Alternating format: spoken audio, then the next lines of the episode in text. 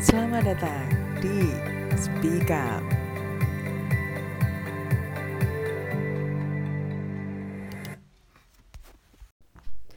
Assalamualaikum warahmatullahi wabarakatuh. Halo bunda semuanya. Kembali lagi bersama saya Melinda Dita yang akan mengisi speak up di minggu ini. Nah udah masuk di awal bulan November nih ya bun ya. Gimana nih Semoga semua yang belum tercapai di bulan-bulan sebelumnya Bisa segera tercapai di bulan ini Amin ya rabbal alamin Nah Kali ini kita akan uh, membahas maksudnya membahas mengenai pentingnya pendidikan seks sejak dini. Karena memang akhir-akhir ini banyak sekali ya Bun ya kasus kejahatan seksual pada anak yang membuat kita sebagai orang tua ini merasa resah.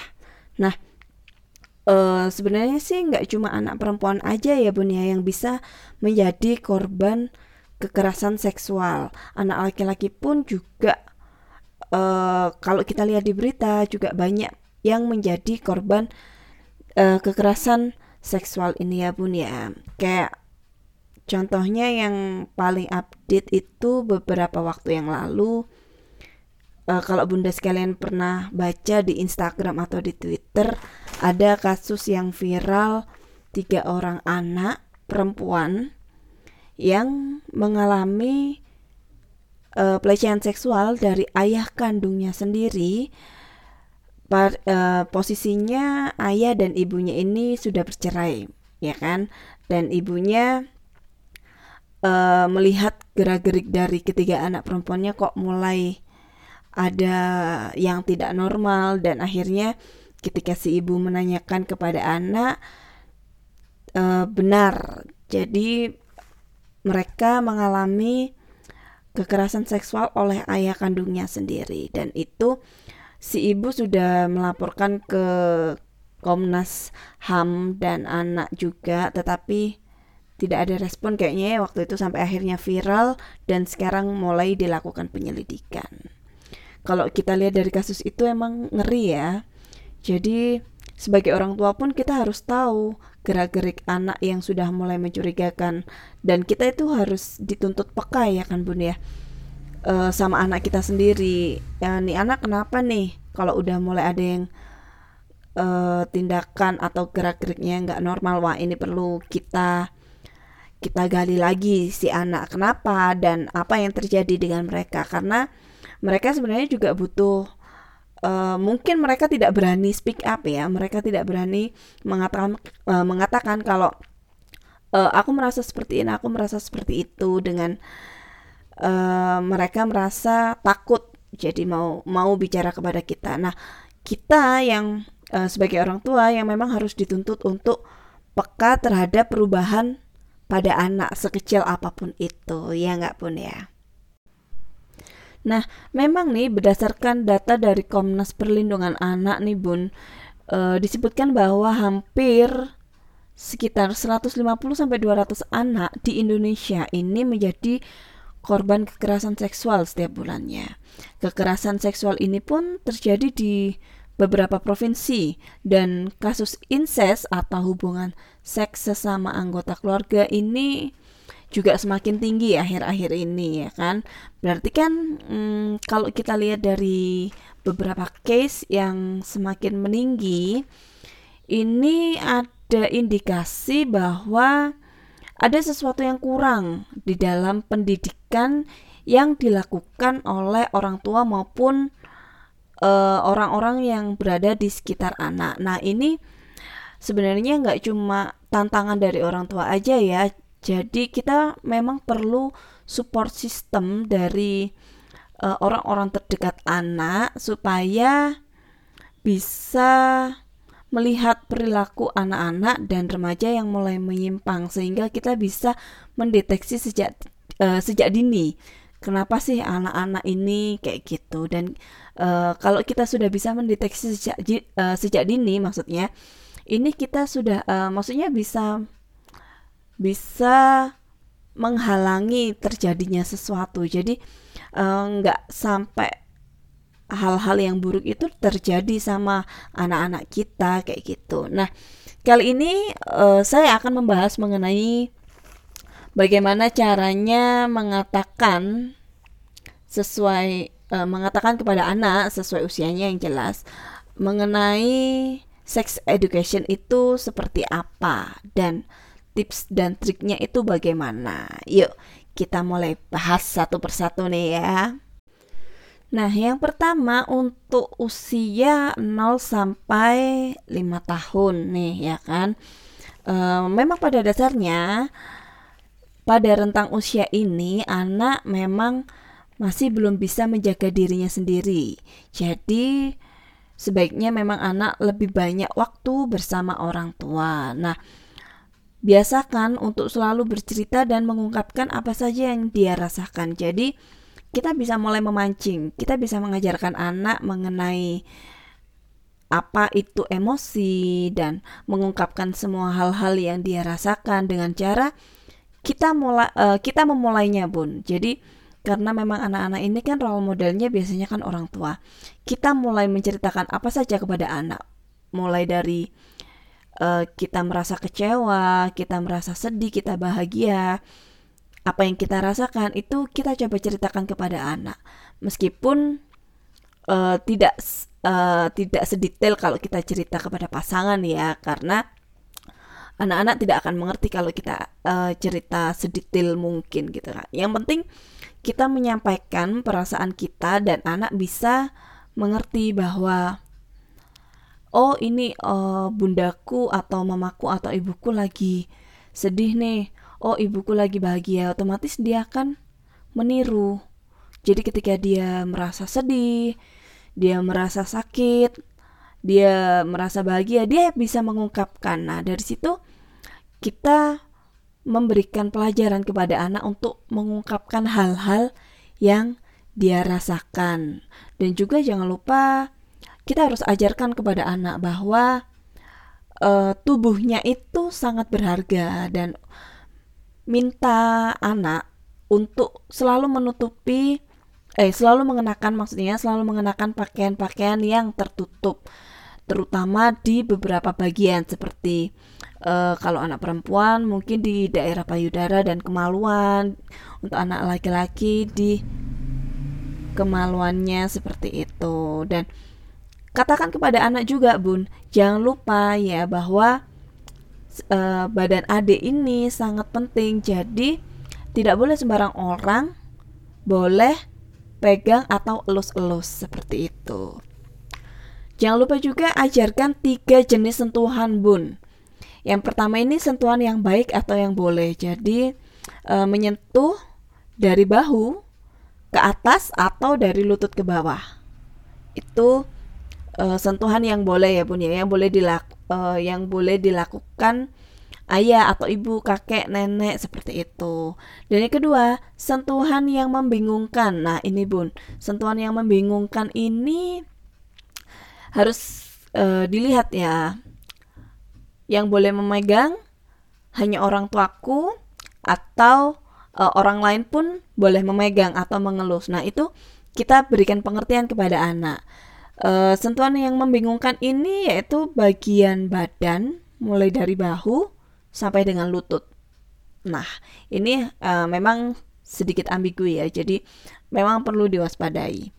Dan sentuhan yang buruk atau yang tidak boleh sama sekali disentuh oleh orang lain kecuali si anak sendiri dan ibunya tentunya yaitu menyentuh bagian tubuh yang ditutup pakaian uh, yaitu bagian paha, dada, alat kelamin, vagina atau penis. Nah, seperti itu. Dan jangan lupa perlu ditekankan lagi orang tua perlu mengajarkan anak untuk berani mengatakan ini badanku dan ini punyaku. Kamu tidak boleh menyentuhnya kecuali aku dan ibuku seperti itu. Kayaknya ada lagunya memang ya Bun ya banyak di YouTube yang ini badanku, ini tubuhku kalau nggak salah ya. Lupa kayaknya pokoknya bisalah di search banyak kok di YouTube lagu mengenai uh, ini tubuhku yang sangat berharga seperti itu dan kenali bahasa tubuh anak sehingga bisa segera mendeteksi bila ada sesuatu yang berbeda seperti yang saya katakan lagi ya. Itu untuk anak usia lim, uh, 0 sampai 5 tahun. Next kita ke anak usia 5 sampai 7 tahun. Untuk anak usia 5 sampai 7 tahun ini sudah mulai ngerti ya Pun ya. Mereka sudah bisa diajak untuk berkomunikasi tentang perasaannya mereka dan uh, apa yang mereka alami. Jadi untuk uh, anak usia ini kita harus mengenalkan bedanya orang-orang di sekitar anak. Siapa itu orang asing, siapa itu kenalan dari orang tua, teman dari orang tua, temannya mereka sendiri, sahabat, saudara, sepupu, pak de, bude dan lain sebagainya. Dan ajarkan anak untuk mandiri agar tidak tergantung pada orang lain, terutama saat membersihkan diri, Bun. Seperti saat uh, mandi, saat cebok dan sebagainya, serta berpakaian dan tidur sehingga tidak membuka peluang orang lain untuk melecehkan dia seperti itu.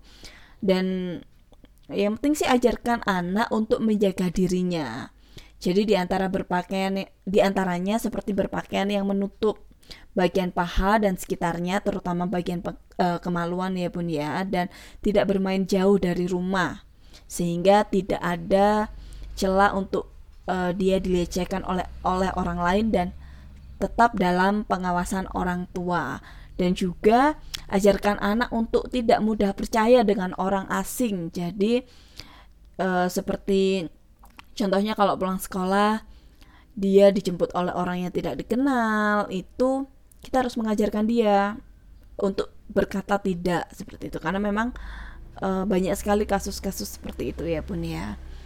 Dan mm, ketika tidur, jadi ketika tidur kita harus mengajarkan anak untuk memakai pakaian lengkap. Jadi kan memang ada ya beberapa anak yang suka tidur kalau istilahnya itu OT-OT jadi hanya pakai uh, kaos dalam sama celana dalam. Nah, ini untuk kebiasaan-kebiasaan seperti ini seharusnya mulai dihilangkan Bun dan kita beri pengertian kepada mereka kalau mereka ini tidur harus menggunakan pakaian lengkap.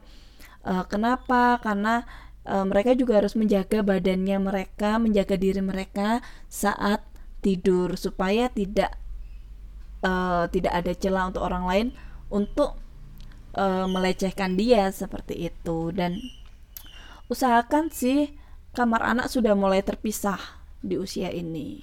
Tapi memang uh, kadang di usia ini juga anak masih belum siap untuk tidur sendiri ya kan pun seandainya pun uh, masih belum siap untuk tidur sendiri bisa uh, tidur di dekat ibu. Kalau seandainya memang uh, kurang nyaman di dekat ayahnya seperti itu. Nah, uh, orang tua juga sebaiknya uh, tidak mengganti baju anak di tempat-tempat yang terbuka. Seperti contohnya kalau uh, habis berenang gitu ya punya atau mau berenang. Biasanya kan kita kalau mau berenang ya udah anak-anak dari rumah udah dipakein baju renang terus kita dobelin pakai baju untuk keluar ya kan sesampainya di kolam renang biasanya setelah dapat tempat duduk nih uh, si ibu langsung aja ganti pakaiannya di tempat itu juga. Nah, ini kebiasaan-kebiasaan seperti ini harus mulai dihilangkan karena hmm, jangan menganggap ah ini masih anak-anak nggak -anak. apa-apa lah kita ganti dia di tempat umum jangan sampai berpikir seperti itu. Karena kita nggak tahu apa yang di apa yang di uh, yang ada di pikiran orang-orang ketika melihat tubuh anak kita ya kan? Ada yang uh, ya kalau mereka berpikirannya positif. Kalau mereka berpikirannya negatif berarti kita sendiri yang membuka celah untuk mereka melakukan kejahatan seksual kepada anak kita ya kan? Nah uh, ajarkan anak untuk mempercayai perasaannya dirinya sendiri atas perlakuan orang lain apakah perlakuan orang lain ini menyenangkan bagi dia, membingungkan atau bahkan menakutkan. Sehingga kalau me mereka memang merasa merakutkan uh, mereka merasa orang lain ini menakutkan atau mereka merasa terintimidasi, kita bisa mengajarkan kepada anak bahwa uh, untuk mengatakan jangan begitu, tidak atau stop supaya si anak juga bisa bersikap tegas kepada orang lain jika ia merasa uh, perlu dilindungi dan merasa orang lain tidak uh, merasa uh, orang lain ini menakutkan bagi dia seperti itu. Dan uh, yakinkan anak untuk bisa berbagi rahasia dengan kita bun. Supaya kita juga tahu apa yang dialami anak uh, apa yang dirasakan oleh dia supaya kalau ada kejanggalan kita bisa mendeteksi secara dini. Nah, itu tadi untuk anak usia 5 sampai 7 tahun. Next kita ke usia 7 sampai 10 tahun ya. Untuk anak usia 7 sampai 10 tahun ini berarti dia udah masuk SD kan ya. Lebih bisa diajak komunikasi lagi kalau dibandingkan dengan usia yang sebelumnya. Jadi uh, usia-usia ini sudah uh, bisa diajak kompromi, bisa diajak diskusi. Jadi sudah enak lah untuk diajak ngobrol seperti itu.